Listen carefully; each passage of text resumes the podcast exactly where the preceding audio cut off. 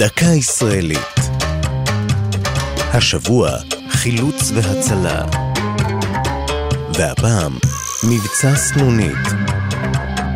מנועה של ספינת הדייג הקטנה האלמוגית חדה לפעול בים סוף מול חופי סעודיה. זה קרה ב-1 באפריל 1954.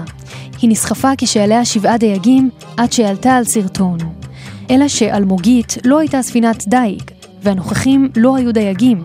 הייתה זו גוררת חיל הים בר גיורא, ובה לוחמי השייטת שיצאו בהסוואה לאתר מקומות מסתור ומערב. בשעה אחת בצהריים הוזנק מטוס קרב לוודא את מיקומה המדויק של הספינה.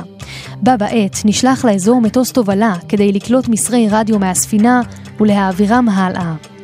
אחרי שזוהתה הספינה, המריאו עוד באותו לילה שבעה מטוסי פייפר זעירים כדי לחלץ את החיילים.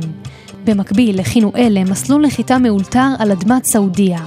וכך, על אף תנאי מזג האוויר הקשים בשטח, הצליח חיל האוויר במשימת החילוץ. המבצע נערך מתחת לאפה של סעודיה, שישראל לא נלחמה מולה, אך נחשבה מדינת אויב. כדי שלא תיפול בידי הסעודים, הוחלט להשמיד את הספינה. מעט אחרי הפייפרים, התקרבו לחוף הסעודי מטוסי מוסטנג שלנו. הם פתחו בירי על הספינה עד שעלתה באש.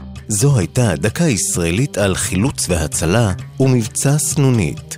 כתבה נוגה סמדר, ייעוץ הפרופסור מוטי גולני והדוקטור מרדכי נאור. הגישה נועם גולדברג.